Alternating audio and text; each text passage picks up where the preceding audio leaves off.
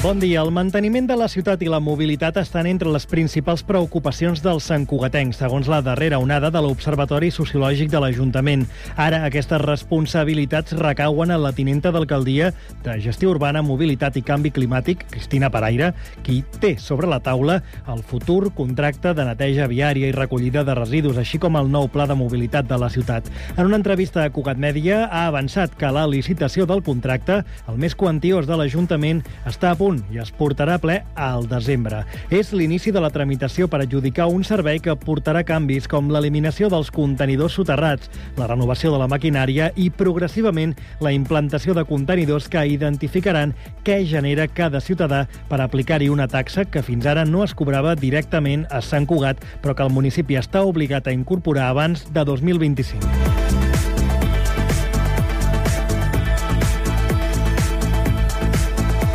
La proposició de llei d'amnistia que s'ha registrat aquest dilluns al Congrés dels Diputats abasta els fets des de l'1 de gener de 2012 a aquest 13 de novembre, amb tots els actes previs i posteriors a les consultes independentistes de 2014 i 2017. Així està previst que es beneficiïn del text gairebé 400 persones, des d'exmembres del govern fins a alts càrrecs de la Generalitat, passant per persones encausades per les protestes per la sentència del procés.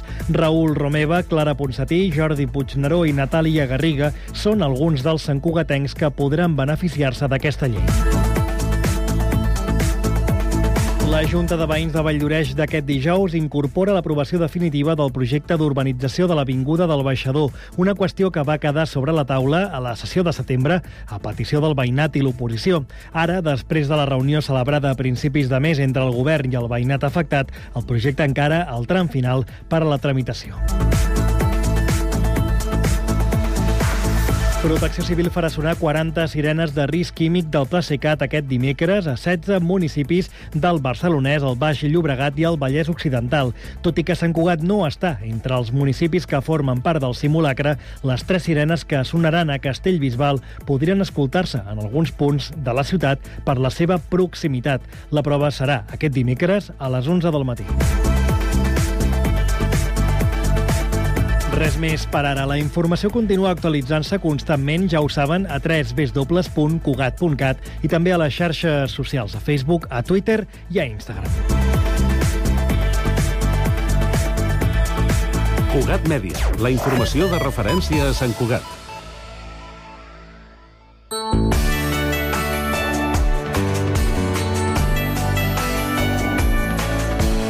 Ràdio Sant Cugat, Cugat Mèdia, 91.5 FM. Hora Sant Cugat, a Ràdio Sant Cugat. Després de l'anar i venir de les vacances, aeroports bulliciosos, ciutats vibrants, platges perdudes, cims borrascosos, torna la simplicitat de les coses quotidianes. El cafè amb llet per esmorzar, el gimnàs dilluns i dimecres a la tarda, l'extraescolar dels nens... I sí, ja la tenim aquí. La rutina sobrepàs amb una ombra allargada que ens resulta familiar. Però no, no ens cauran els anells per saludar-la i demanar-li «Hola, com va? Tu també per aquí?» Al capdavall tenim dos dits de front i no ens els volem picar fent volar coloms ni explicant sopars de duro. Per sort, la vida ens segueix somrient de fit a fit, de vegades condescendent, d'altres amb una ganyota àcida. Així que si toquem de peus a terra, assumirem que més val savi conegut que pots per conèixer. I que sí, que la rutina ja ens està bé com que torni, perquè viure-la, experimentar-la, és senyal d'una harmoniosa normalitat. I que torni ens va com l'anell al dit.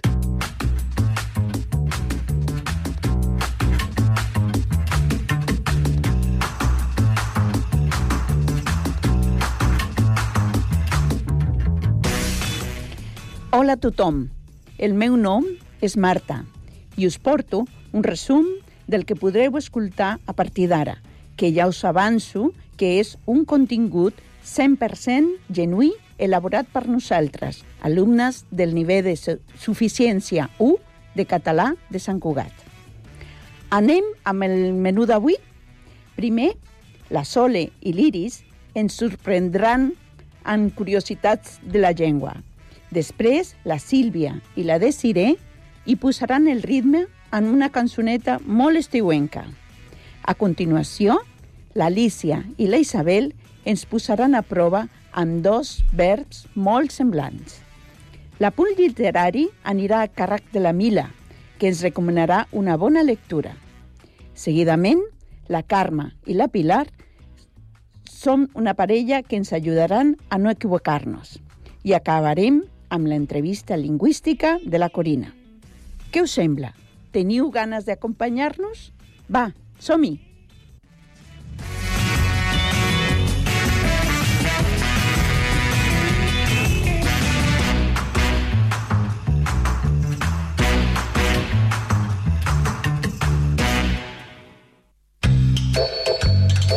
Sabies que... Hola Iris, com ha anat per Galícia? Has vist la teva família? Sí, Sole. Sempre és agradable tornar a casa. I mira aquesta curiositat de la qual em vaig adonar. Sabies que la llengua catalana comparteix moltes similituds amb la gallega? Hi ha paraules com margarida, pardal o filla que són iguals en els dos idiomes i alhora difereixen del vocable comú espanyol. Que curiós, i alguna vegada m'has dit que n'hi ha unes altres que són molt similars, com ulls i ollos, adeu i adeus, so i son, ma, man... Quina bona memòria, Sole!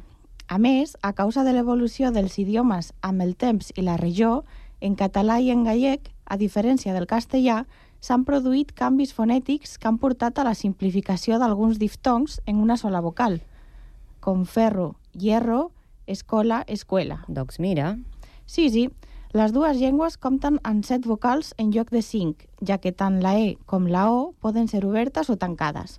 I han estat fidels a l'arrel llatina a l'hora d'escriure certes paraules amb B alta o amb B baixa.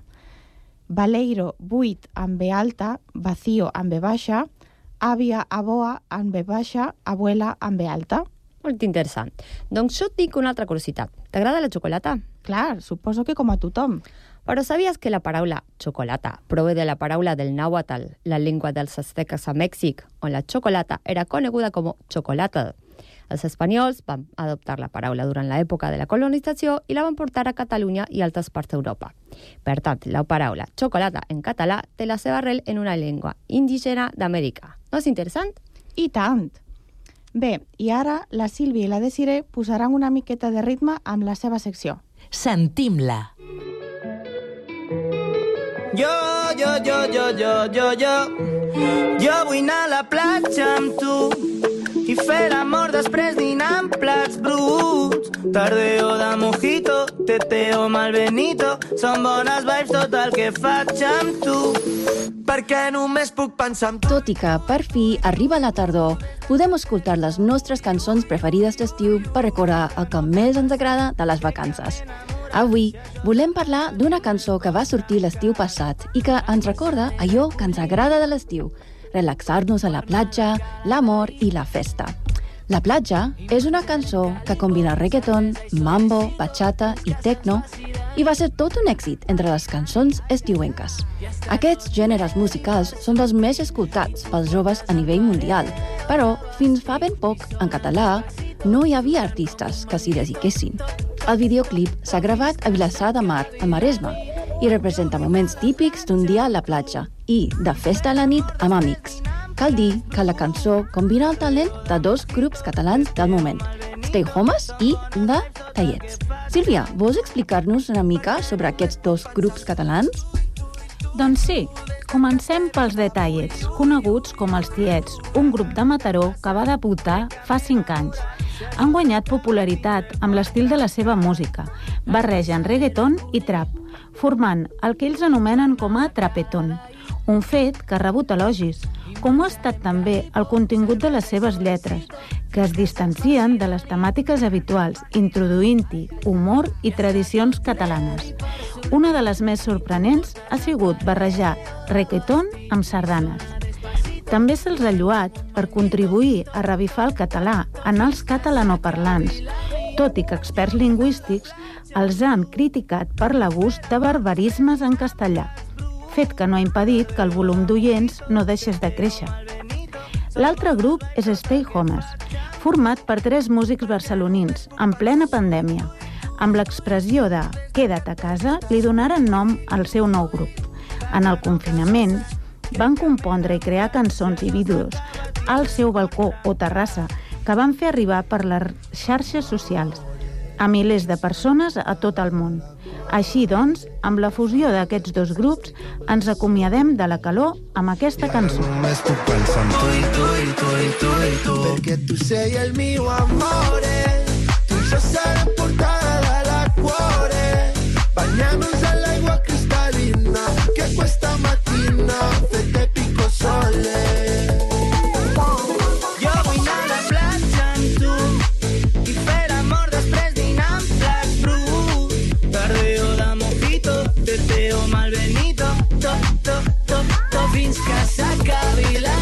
Picco sole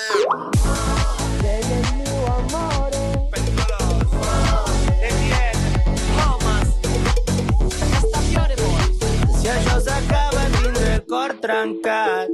I ara ens posem a prova amb l'Alicia i la Isabel. Posa't a prova. Bon dia, amics. Avui, en aquest espai de Posa't a prova, volem parlar de quan fem servir els verbs portar, dur, i quan cal utilitzar, emportar-se o endur-se. Per això demanem ajuda a l'Alicia. Alicia, ens podries explicar quan hem de fer servir cadascun? És una pregunta molt encertada, Isabel. Tot i que encara hi ha no tan sols estrangers, sinó catalans, a qui els costa fer aquesta diferenciació. Pel que fa a portar o dur, són molt versàtils. Poden significar, entre altres sentits, desplaçar alguna cosa, com per exemple, demà et portaré o duré la bicicleta. O bé, anar carregat amb alguna cosa damunt. Per exemple, porta el xiquet al braç.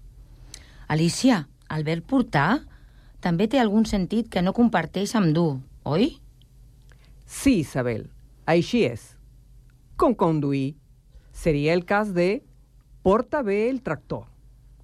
Per la seva banda, emportar-se o endur-se sempre són pronominals, és a dir, es conjuguen amb pronoms i signifiquen portar amb si a algú o alguna cosa traient-lo d'un lloc o conduint-lo cap a una direcció determinada.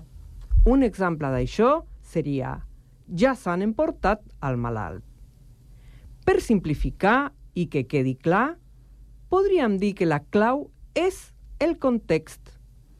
Portar fa èmfasi només en el desplaçament, mentre que emportar-se implica portar la cosa a un lloc amb un mateix. I és aquest fet amb un mateix el que marca la diferència. Moltes gràcies, Alicia. Has sigut molt precisa amb la teva explicació. Ara estic segura que farem servir correctament aquests verbs. I ara us deixarem amb la Mila, que ens donarà una recomanació literària. L'hora del lector.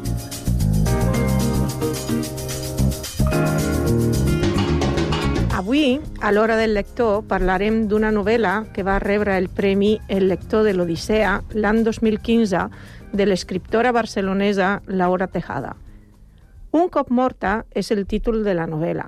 És una història impactant i imprevisible, plena de suspens i d'humor negre, on el lector cavalca estrepitosament per les històries i els sentiments dels protagonistes, fins a arribar a un final com a mínim inesperat.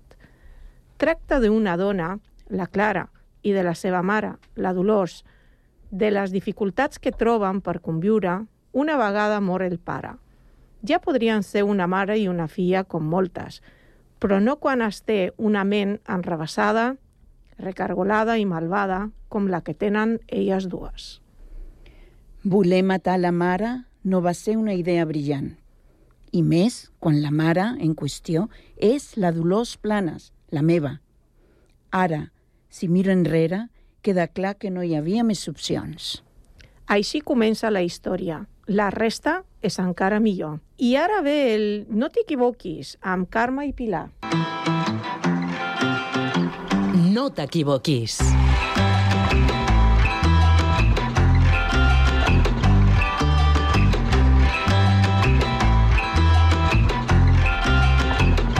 Bon dia, Pilar. Bon dia, Carme. Pilar, avui parlarem del verb lluir. Amb eix o sense? Llu o llueix? Quines preguntes que fas, Carme? Sabies que el verb lluir és un verb incoatiu, però no sempre? Què vols dir, Pilar? No et posis exquisida.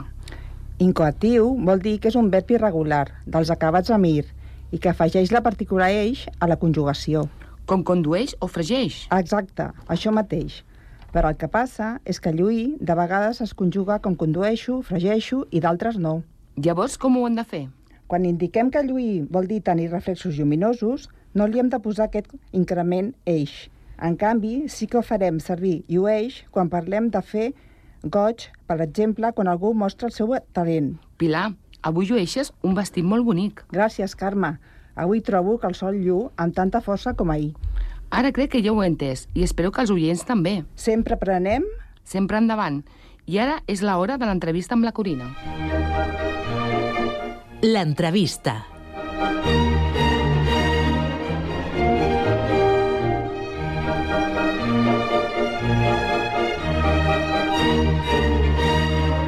Avui parlarem amb l'Astrid, que és una amiga meva que va néixer i ha viscut tota la seva vida a Sant Cugat.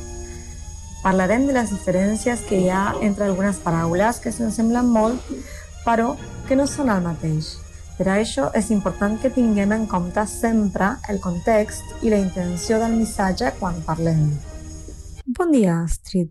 M'agradaria fer-te algunes preguntes sobre alguns curiositats lingüístics del català. Quina és la diferència entre son i son? Una és son de dormir i l'altra son de ser. Quina és la diferència entre dona i dona? Abans escrivia amb accent o sense accent.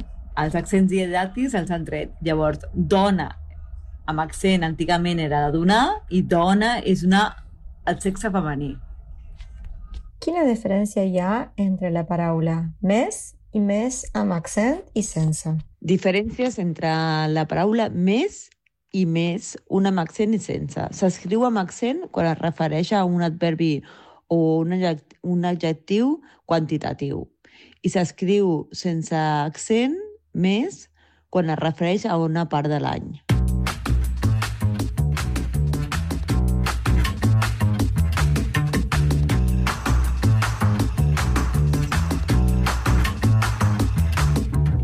I fins aquí aquest primer anell al dit que l'hem elaborat els alumnes de Suficiència 1 del Servei Local de Català. Hem repassat curiositats que comparteixen el gallec i el català. Per un moment hem tornat a l'estiu gràcies a una cançó ben refrescant. Hem travessat l'espinosa frontera que separa el verb portar d'emportar-se. I us hem recomanat que llegiu Un cop morta de Laura Tejada. Finalment, hem après a saber quan llu el sol i quan algú llueix les seves virtuts i ens hem acomiadat amb una entrevista sobre els diacrítics. No està pas malament per ser el primer programa. Repetirem, oi? Sí, sí, clar. Nosaltres segur, perquè l'experiència ens ha provat com l'anell al dit.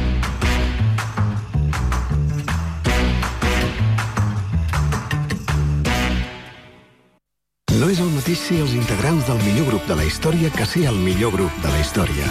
Per això, el grup català Occident serem Occident, perquè per continuar assegurant-ho tot, tot i tot, ens havíem d'ajuntar tots, tots i tots. Entra a seremoccident.cat. Música a Ràdio Sant Cugat.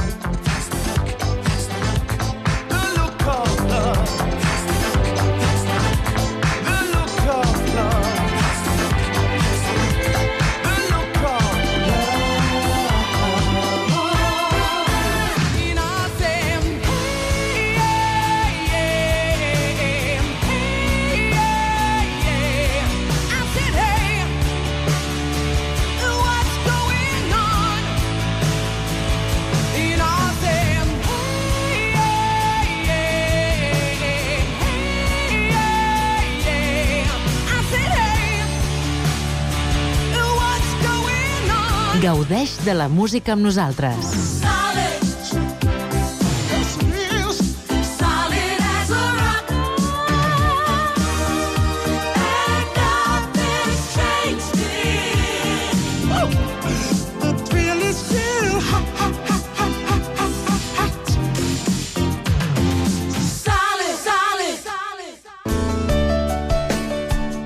Ràdio Sant Cugat www.cugat.cat Hora Sant Cugat a Ràdio Sant Cugat.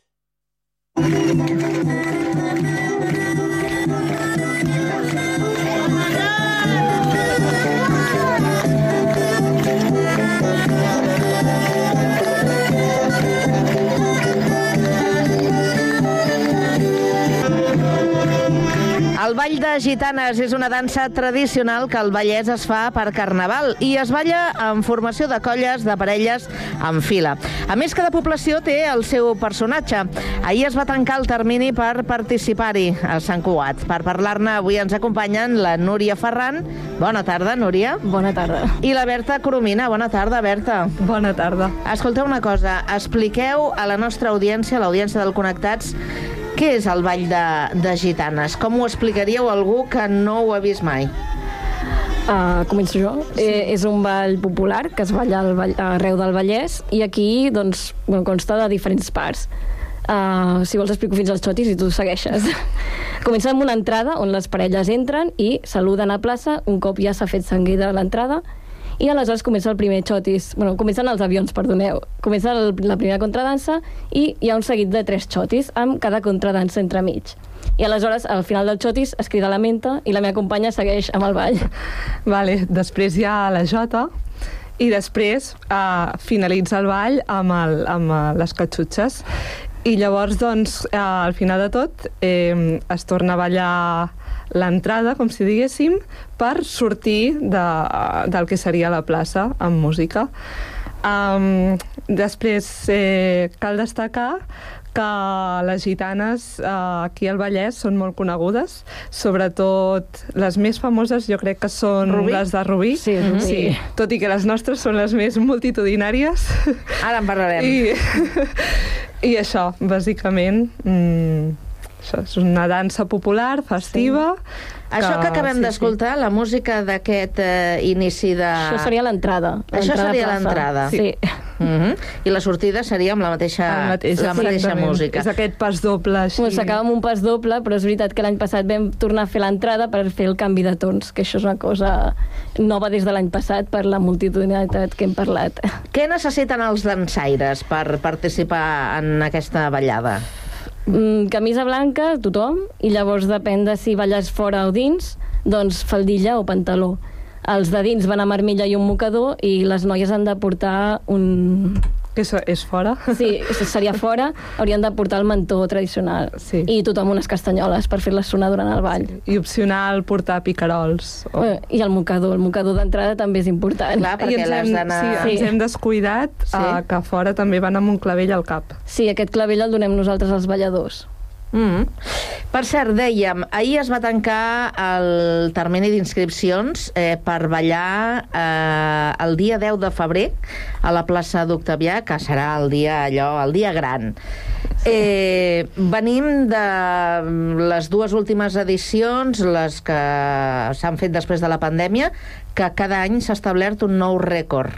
Sí, correcte. Quants, quants inscrits teniu a dia d'avui? Però ja amb el d'això, amb el termini Ah, tancat. En tenim comptats uns 672. En total. 672. 672. És una autèntica bogeria. Serien unes Mai vist. 82 colles, cosa que no hi hem arribat mai.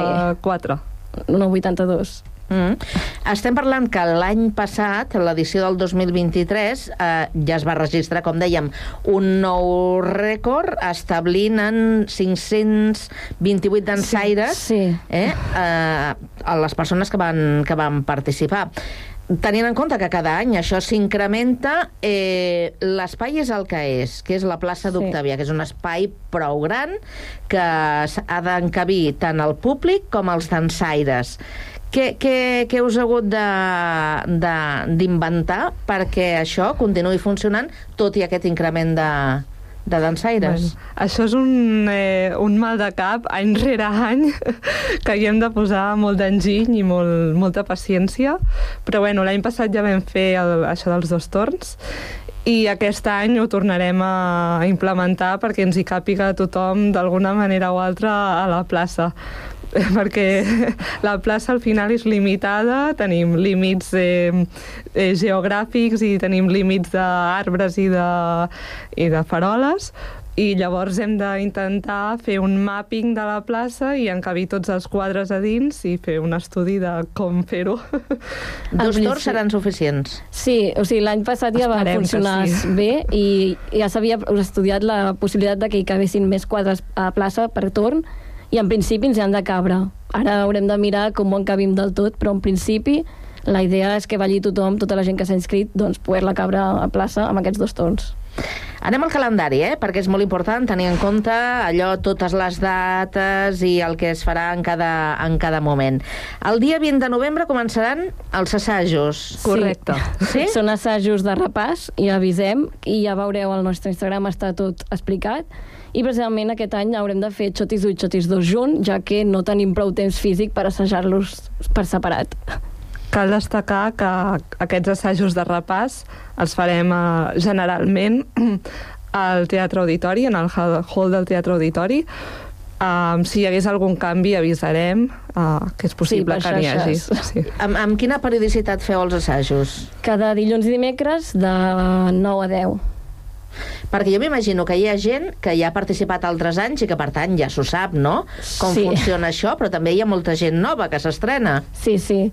Uh, tenim uns tutorials a YouTube que també estan a, al Linktree que tenim a Instagram que tu, tu pots mirar a casa i tu pots assajar i la idea és això, és fer repàs. També l'any passat ja ho vam fer, que la gent que volgués que els hi ajudéssim a aprendre el ball, aquestes dues setmanes entre que publiquem els, els quadros que ballen i que comencem els assajos, qui volgués ens podia contactar per assajar, doncs, trobar un dia, trobar algú de la comissió que els ajudéssim a assajar aquests passos nous que no se saben. Mm. Clar, perquè és això, la idea és que vinguin en els assajos amb els balls ja mm, mastegats. I la gent acostuma a respectar... Eh, és a dir, qui s'ha compromès eh, i participa eh, en els assajos i després... De tot una mica, jo diria. Sí? Hi ha diversos perfils de persona, de ballador. També hi ha gent que ja porta molts anys ballant, com deies, i llavors només venen els obligatoris, o gent que per a l'agenda pues, doncs no ve tant, però la gent normalment sí que intenta prendre-se'l bé i venir als assajos. Sobretot la gent que és més nova mm. intenta venir més als assajos perquè els hi falta... És un ball bastant difícil de ballar i amb, amb molta coordinació amb Sí. la teva parella i amb el teu quadre, per tant... És això, hi ha tres la gent més novella sí que ve més. Mira, podem donar allò a la gent que estigui escoltant i tingui curiositat per saber eh, com, com és i quina patxoca fa, perquè realment fa molta patxoca, que busqui a YouTube eh, les imatges de les últimes edicions Sí, de l'any passat, sí, o sí. de l'anterior, que es veu en planos Sí, sí. Eh, aeris, Sempre es fa un recull de tot el ball, es pot veure per i que és, internet. és espectacular com, com queda la, la plaça. Hem de dir que, que hi ha algunes novetats. Eh, enguany, per exemple, a les inscripcions es pot triar la preferència de cercavila, és a dir, hi ha, un, hi ha cercaviles, no un, Sí. sinó... Mm, N'hi haurà sis cercaviles, cercavi- com l'any sis, com l'any passat. La idea és mantenir els sis perquè així podem repartir millor tanta gent, perquè si no amb quatre eren masses. I la idea d'això de triar és que poguessin triar segons preferència de posar tietes o no, i bàsicament això és una mica orientatiu. Nosaltres també podrem aquí... Ens reservem el, el, El dret, dret. a fer modificacions. es, expliqueu-nos això de les tietes, què és? Vale, les tietes um, són aquella gent que posa paradetes amb menjar i beguda en el cercavila per uh, habi habituallar els balladors que van um, fent el recorregut i, bueno, sobretot eh, nosaltres els balladors, com a agraïment a les tietes, els hi fem una dansa eh, just al davant de la seva parada. Llavors això està molt bé que en el Cercavila, bueno, en les inscripcions, si algú um, té una tieta que sàpiga que ens pot assegurar uh, en algun lloc, de, en algun carrer, um, que ens avisi i nosaltres fem passar el Cercavila per allà i, i ens ho maneguem No hi ha així. problemes per eh, aconseguir tietes? No. Ens agradaria que n'hi haguessin més. Hi ha cercaviles que en tenen poques, de, perquè hi ha alguns cercaviles més cèntrics que sempre acostuma a haver-hi més tietes i més comerços, i alguns que es queden més pobres, però Però bueno, estaria bé també que això, que el poble intentés, eh, la gent que no és balladora, que intentés fer de tieta per eh, fer una mica més de Per festa. col·laborar, no? Sí. D'alguna manera. Sí, sí. Eh, però la cosa no queda aquí, perquè a part del ball de gitanes, eh, també hi ha el ball de gitanetes i el ball de velles. Sí, Gitanetes és la versió infantil que es va, es va fer ja des de fa uns anys i bé, és, els diumenges i és pels més petitets perquè puguin començar a conèixer el ball. De fet, també hi ha el ball de jovenetes, Sí, dir. que, Ah, que es fa el mateix dia que el... Bueno, es fa repartit entre el dia del ball de gitanetes i el dia del ball de gitanes. Fan algunes danses amb les gitanetes i algunes danses amb les gitanes, que és per gent jove a menors Sí. de 18 anys. Seria perquè... gent de 16 a 18 que Sí. vulguin ja no estar amb el grup infantil. perquè- Adolescents. Sí, sí perquè les gitanes han de participar gent major d'edat. Ah, sí? És Sí. condició? És condició. Fa Sí. temps era a partir dels 16, però ara ja fa uns anys que s'ha Sí. fet els jovenetes, que són aquests joves de 16, 18 sobretot, que volen fer gitanes però no tenen l'edat encara. I el ball de, de velles? Sí. Es fa el mateix dia del Ball de Gitanes, just abans, um, i és un ball uh, doncs que, bàsicament, uh, unes quantes uh, persones que està obert a tothom qui es vulgui inscriure. Mm. Sí. Heu de dir al Roger, al Roger Casadellà. Heu de Ah, contactar amb el Roger teatre Sílvia Cerverac. Perquè està una mica teatralitzada, Ah, no? exacte, Aquesta i es vesteixen de velles, es disfressen de velles i fan un show. Sí, acostuma a ser una mica crítica político-social, una mica, i és com per donar l'entrada al Ball de Gitanes. Uh -huh. Ens hem deixat alguna cosa important, noies? Uh, bueno, jo destacaria que el dia, com a novetat, també el dia 4 hem proposat un assaig general De extra. desembre, 4 de desembre. Desembre, sí. Uh, un assaig extra per poder repassar tots els xotis, ja que com que tenim molts ponts i el de la Puríssima i tot això, seria com per fer una pausa abans de totes les festivitats i poder repassar-ho tot. Doncs eh, res, i quedeu tots convidats si voleu venir el dia 10 de desembre a la una del migdia. Febrer. Ai, febrer. Dit desembre. Sí. És febrer, és que estava pensant en no sé, no sé què. Tenim moltes dates. Sí, Ja, ja perquè són moltes entre, dates. entre Nadal... No, això serà després de Nadal, eh? Que serà per, eh, per eh, Carnaval. Eh, I sou convidats el 10 de febrer a la plaça d'Octavià. Gràcies a la Núria, a la Berta, per haver-nos acompanyat i explicar-nos una mica d'aquesta tradició santcugatenca. Que vagi molt bé i bona tarda. Bona Moltes tarda, gràcies. Moltes gràcies. I nosaltres ho deixarem aquí. Us hi esperem demà a les 4 i 3 minuts, edició de divendres, eh? I tancarem la setmaneta. Gràcies. Adéu-siau.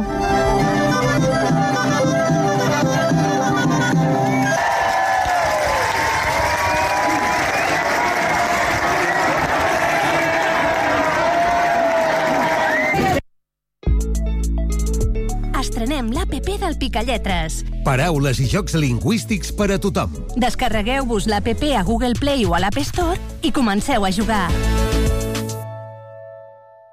Cada cap de setmana ens posem en joc. Futbol, bàsquet, hoquei patins, handbol, waterpolo... Una temporada diferent amb la màxima intensitat. Més esports, més categories, més directe. Dissabte i diumenge a les 8 del vespre a la teva ràdio local. Ràdio Sant Cugat, Cugat Mèdia, www.cugat.cat. Hora Sant Cugat, a Ràdio Sant Cugat.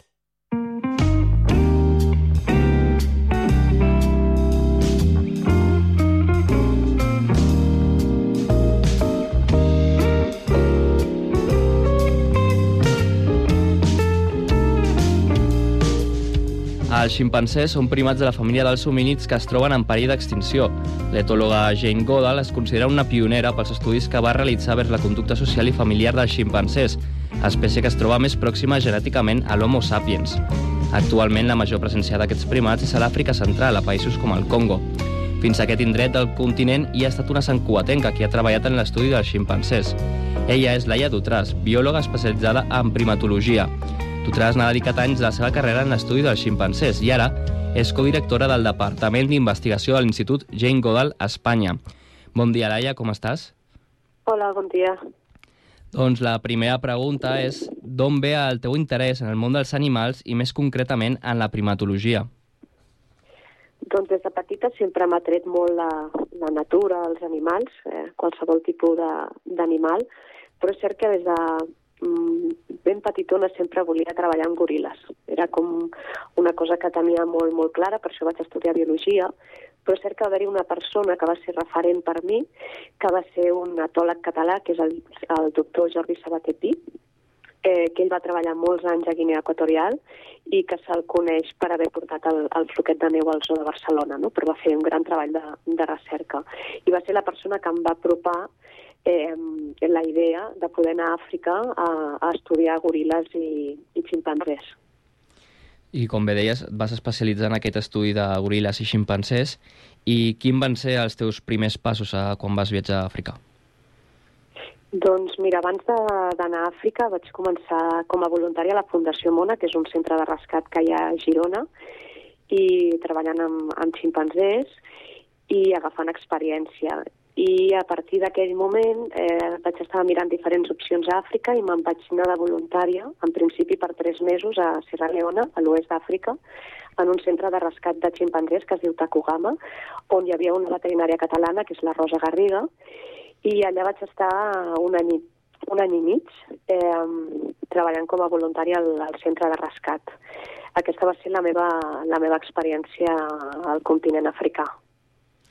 Quan vas, has viatjat fins a Sierra Leona i vas treballar en aquests projectes de realització i conservació dels ximpancers, com va ser aquesta experiència per, més personal? Doncs va ser una experiència que em va ajudar a créixer molt, no? perquè primer em vaig sentir molt privilegiada, en molts sentits, per una banda per estar assolint el meu somni, que era poder treballar a, a Àfrica i amb uns animals com els ximpanzés, que són increïbles, i després també poder treballar amb, amb persones locals, amb serraleonesos, amb congolenys, amb senegalesos actualment, que són gent amb un gran coneixement de la biodiversitat que, que tenen els, els seus països i conèixer no, les seves dificultats, els seus anels, eh, això també et fa obrir molt la ment no? I, i veure que també ets una privilegiada per haver, haver nascut en un país de, del nord. Jo ara, ara et vull preguntar sobre Jane Goodall i què ha significat per primatòlegs i atòlegs com tu tots els estudis que em va fer sobre la vida social dels ximpancers. Eh, la doctora Jane Goodall és una de les científiques més destacades de, del segle passat. Actualment és una de les majors activistes que, que tenim en defensa del medi ambient i és una persona que és un referent en, en molts sentits, no? en el meu cas també a nivell personal eh, i també a nivell eh, professional. I ha marcat a moltes generacions de, de primatòlegs que han volgut també dedicar el, la seva vida professional a, a l'estudi de, dels primats per sobretot conservar-los, perquè els primats, la gran majoria, estan en perill d'extinció i la gran majoria de primatòlegs treballen en la conservació de, dels seus hàbitats i, i d'aquestes espècies en concret. No? Um, però a part d'això, crec que també és interessant destacar la figura de Jane Goodall com a persona inspiradora de les persones joves, els infants, per eh, voler descobrir no, la natura que ens envolta i, i com protegir-la. I, I aquest missatge d'esperança que ella dona, no, de estem en un context doncs, de, de canvi climàtic, de que tota la informació que ens arriba és molt negativa i ella el transforma en un missatge positiu, de encara tenim una finestra de temps per poder actuar i per poder, des de cada un de nosaltres, poder fer un canvi. Els teus estudis i la teva feina t'ha dut a codirigir el Departament d'Investigació de l'Institut Jane Goodall aquí a Espanya i per qui no ho coneix, qui és la tasca que feu? Doncs tenim un projecte al sud-est de Senegal, amb la frontera amb Guinea. És un projecte molt interessant perquè, a diferència d'altres països africans on viuen els ximpanzés, que són molt més humits i, per tant, eh, el paisatge seria més de selva, nosaltres treballem en una zona de sabana on queden molts pocs ximpanzés que, més, conviuen amb les poblacions humanes locals que, eh, a més, és una zona molt seca, plou molt poc, penseu que només plou quatre mesos a l'any. Això fa que sigui molt difícil per un ximpanzé viure allà, però també per les poblacions humanes que sobretot depenen de l'agricultura per sobreviure. Llavors, què fem? És un treball molt holístic. Per una banda, des del Departament de Recerca intentem estudiar no? com és el comportament d'aquests ximpanzés. Penseu que allà les temperatures són molt elevades i tenen comportaments molt diferents dels ximpanzés que viuen a la selva. Per exemple, els ximpanzés d'allà de, de Dindecelo, del nostre projecte, s'amaguen a coves a les hores de màxima eh, calor, però també veiem que cada cop hi ha més interaccions amb els humans, perquè els humans allà no, els, no cacen els ximpanzés, tenen un tabú cultural, creuen que són els seus ancestres i per tant els respecten, però és cert que cada cop eh, els ximpanzés, clar, s'apropen als pobles a buscar eh, fruits, eh, s'apropen als punts d'aigua perquè cada cop hi ha menys, menys punts d'aigua permanent, degut a que cada cop plou menys, degut al canvi climàtic, i per tant entendre quina és la situació i treballar de la mà de les poblacions eh, locals, de les comunitats. Llavors el que fem és identificar quines necessitats té la població local i, per exemple, tenim un projecte amb 21 pobles de la zona, treballem sobretot amb dones, eh, posem el focus en temes d'igualtat de gènere i el desenvolupament sostenible i per tant el que fem és millorar la producció agrícola, utilitzar cereals que són autòctons i per tant resistents a, a la sequera i eh, millorem la qualitat de vida de la població humana mentre el, el seu desenvolupament és sostenible, és a dir, depenen menys de recursos naturals, d'entrar menys al bosc a buscar llenya, a buscar aliment, etc. Teniu programes, com bé deies, en, aquests, en aquest país africà. Eh, com gestioneu amb les poblacions locals o amb els governs la possibilitat de treballar-hi allà?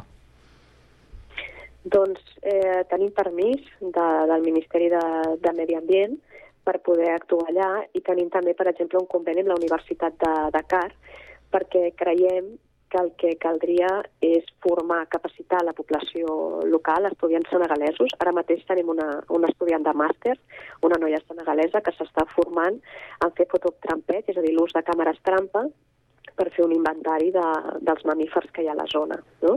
Llavors creiem que eh, quan menys presència europea eh, hi hagi, és a dir, que més capacitat tingui la població senegalesa per poder desenvolupar aquesta tasca que actualment estem fent de eh, protegir els ximpanzés i millorar la qualitat de la població humana. Per això gran part del nostre equip eh, és senegalès. El ximpanzé és un animal que, com molts altres, que es troba en perill d'extinció. Quina és la situació actual de l'espècie?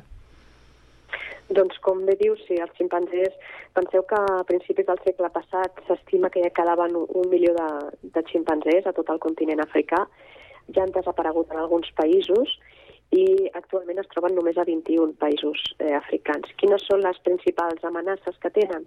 La desaparició de l'hàbitat, estem talant els boscos, eh, degut doncs, al creixement de la població humana, la demanda que hi ha de matèries primeres com fustes tropicals, minerals com el coltan, que s'extreuen de selves on habiten ximpanzés i, i goril·les, per exemple, i la transformació d'aquests boscos en camps de cultiu, que a vegades no, no és per la subsistència de les poblacions locals, sinó que és per la gran demanda que hi ha d'alguns productes com oli de palma, que el que fan es, es, empreses estrangeres és invertir en països africans i el que fan és deforestar per plantar monocultius d'aquesta palma per fer oli.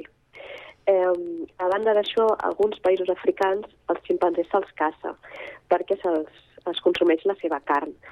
Eh, això, evidentment, està, està prohibit. És il·legal eh, matar o capturar un ximpanzé, però malauradament hi ha un tràfic de carn, mm, que se l'anomena carn de selva, on també entra la carn dels ximpanzés. I una gran demanda que també trobem dels països eh, del nord, i sobretot ara de, de l'est i, i com, països com Xina, són eh, el tràfic il·legal de cries perquè hi ha un gran reclam de eh, cries per tenir com a mascotes o en parcs zoològics, circs, etc. No? Com aquí s'havia fet eh, fa uns quants anys, que ara tot això està prohibit, però malauradament hi ha un tràfic il·legal que genera uns grans ingressos econòmics i que les xarxes socials eh, no ajuden en això, perquè hi ha mm, persones eh, conegudes, famosos, que millor fan fotografies amb animals salvatges i això afavoreix a que la gent vulgui no, eh, tenir ximpanzés eh, o altres animals salvatges com a mascotes. I els diferents governs africans o també Nacions Unides han fet quelcom per poder frenar l'extinció a banda del que bé deies de prohibir la caça de l'animal? Bueno, hi ha aquestes lleis internacionals i també a, a nivell nacional, depèn molt de, de cada país. També és cert que topem amb una gran cosa que és la corrupció, no? com s'ha vist en alguns eh, països com la República de Guinea, on es creien eh, ximpanzés i goril·les i altres animals amb, amb permisos eh, falsos. Llavors, eh, a vegades el problema que ens trobem també és que la llei existeix, però no hi ha una correcta implementació. Per tant, una cosa que també intentem afavorir és que les lleis es compleixin. I això has d'estar allà. Has de, eh, per exemple, a Congo, a República de Congo tenim el major centre de rescat de, de ximpanzés de tota Àfrica, perquè a vegades passa que hi ha països que es decomisa un ximpanzé per les autoritats, una cria, que ha estat decomissada un traficant, però no hi ha on portar aquesta cria. Eh, llavors, la presència d'un centre de rescat o santuari, que li diem, doncs permet acollir aquesta cria, donar-li una segona oportunitat, amb l'objectiu a futur de reintroduir-la a la selva, eh, però clar, està allà treballant amb les autoritats, eh, colze amb colze, per poder implementar eh, i que es faci mm, real la llei que existeix al país. I ja per acabar, fins a quin punt vols dur la teva recerca i la teva feina, els teus estudis sobre els ximpancers en els pròxims anys? El meu principal interès és fomentar la coexistència entre animals i entre ximpancers i humans a, a Senegal, perquè com, com us comentava, no, eh, hi ha molta presència humana a la zona on, on també hi ha ximpanzés i evidentment això anirà més. A part ens estan arribant nous projectes de desenvolupament, com per exemple la construcció de carreteres, línies elèctriques, preses elèctriques, que tenen un gran impacte en, en la població dels ximpanzés. Per tant, per una banda seria veure com mitigar, intentar evitar aquests impactes i si no mitigar-los, i per altra banda eh, continuar amb aquesta línia d'afavorir la cohabitació entre, entre humans i, i ximpanzés, no? perquè els ximpanzés tenen, evidentment, dret a viure allà, igual que, que les persones que, que hi ha a la zona, i és trobar la forma que sigui harmoniosa, no? que sigui una, co una coexistència eh, pacífica i sostenible en el temps. Doncs moltes gràcies, Laia, per passar-te per Cugat Media i poder explicar la teva experiència i els teus estudis, la teva feina en relació amb els ximpancers i sobretot a l'Institut Jane Goodall d'Espanya. Moltes gràcies a vosaltres per convidar-me.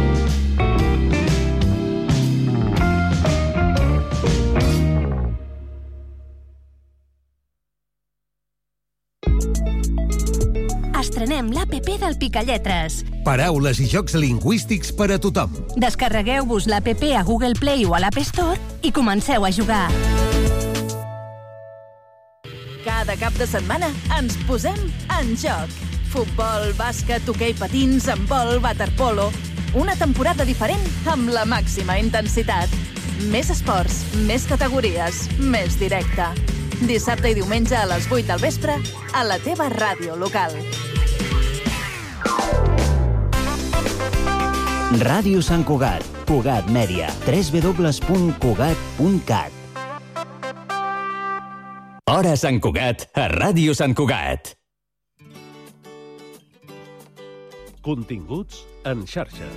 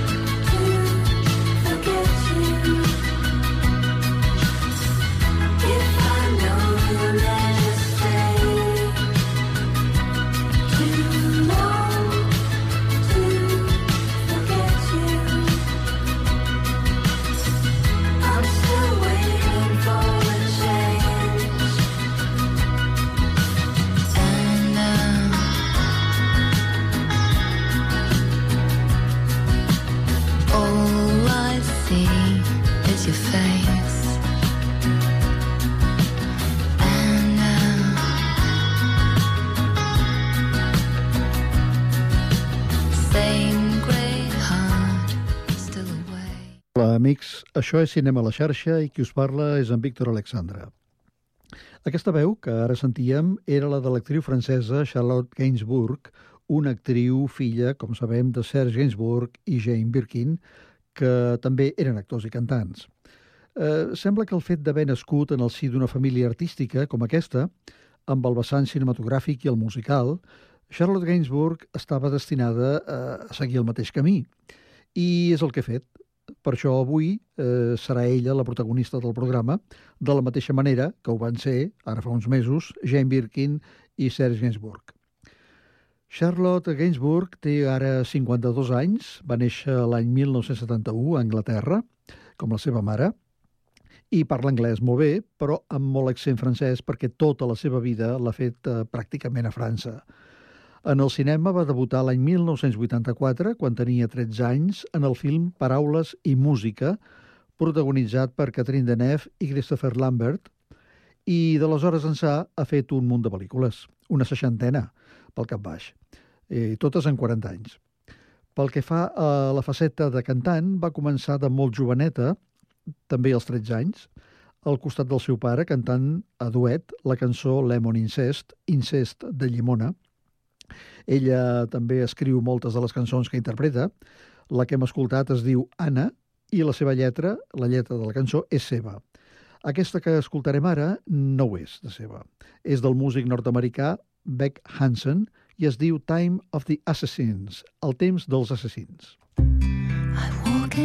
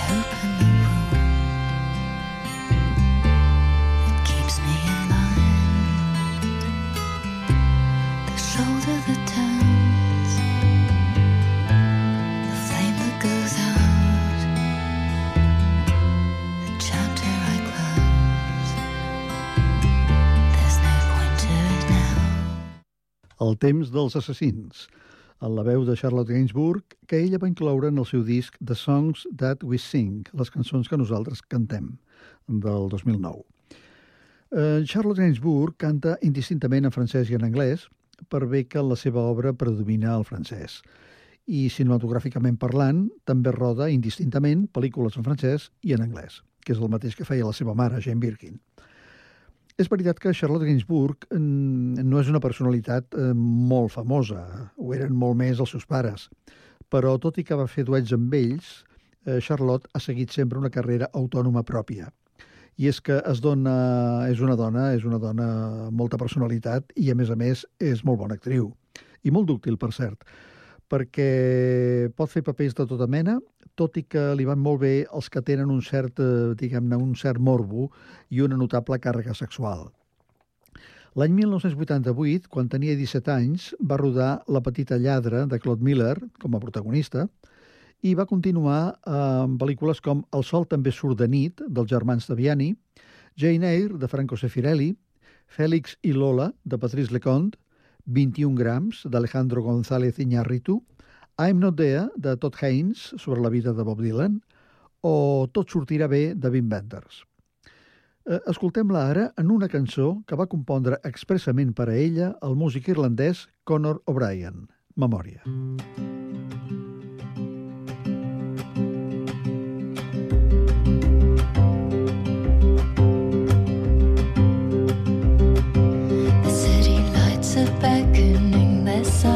softly call. All the fantasies and fetishes are preparing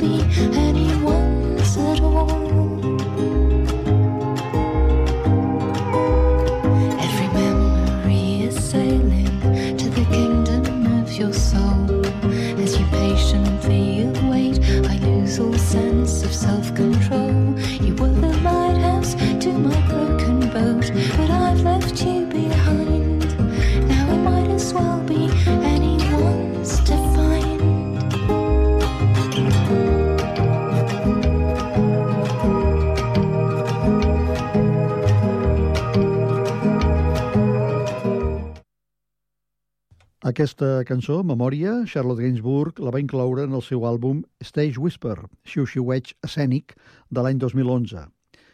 Em, Com he dit abans, Charlotte Gainsbourg és una actriu esplèndida i ha estat dirigida per molt bons directors. Alguns ja, ja els he esmentat, però n'hi ha més, com ara Agnes Barda, un parell de cops, Patricia Go, també dos cops, Claude Berry, eh, James Ivory, eh, Roland Emmerich o Lars von Trier, eh, amb qui Charlotte Gainsbourg ha rodat tres pel·lícules. Tres. Anticrist, per la qual ella va guanyar el Premi a la millor actriu del Festival de Canes de l'any 2009, Melanconia, el 2011, i Ninfomania, el 2013. De fet, de fet, he dit tres pel·lícules, però en, certa manera són quatre, ja que Ninfomania es va dividir en dues parts, en dues pel·lícules. Charlotte hi encarna en aquest film una, una dona que explica les seves experiències sexuals, que són moltíssimes, a un home desconegut. I el que li explica va des que ella era adolescent fins a l'actualitat, que és una dona casada.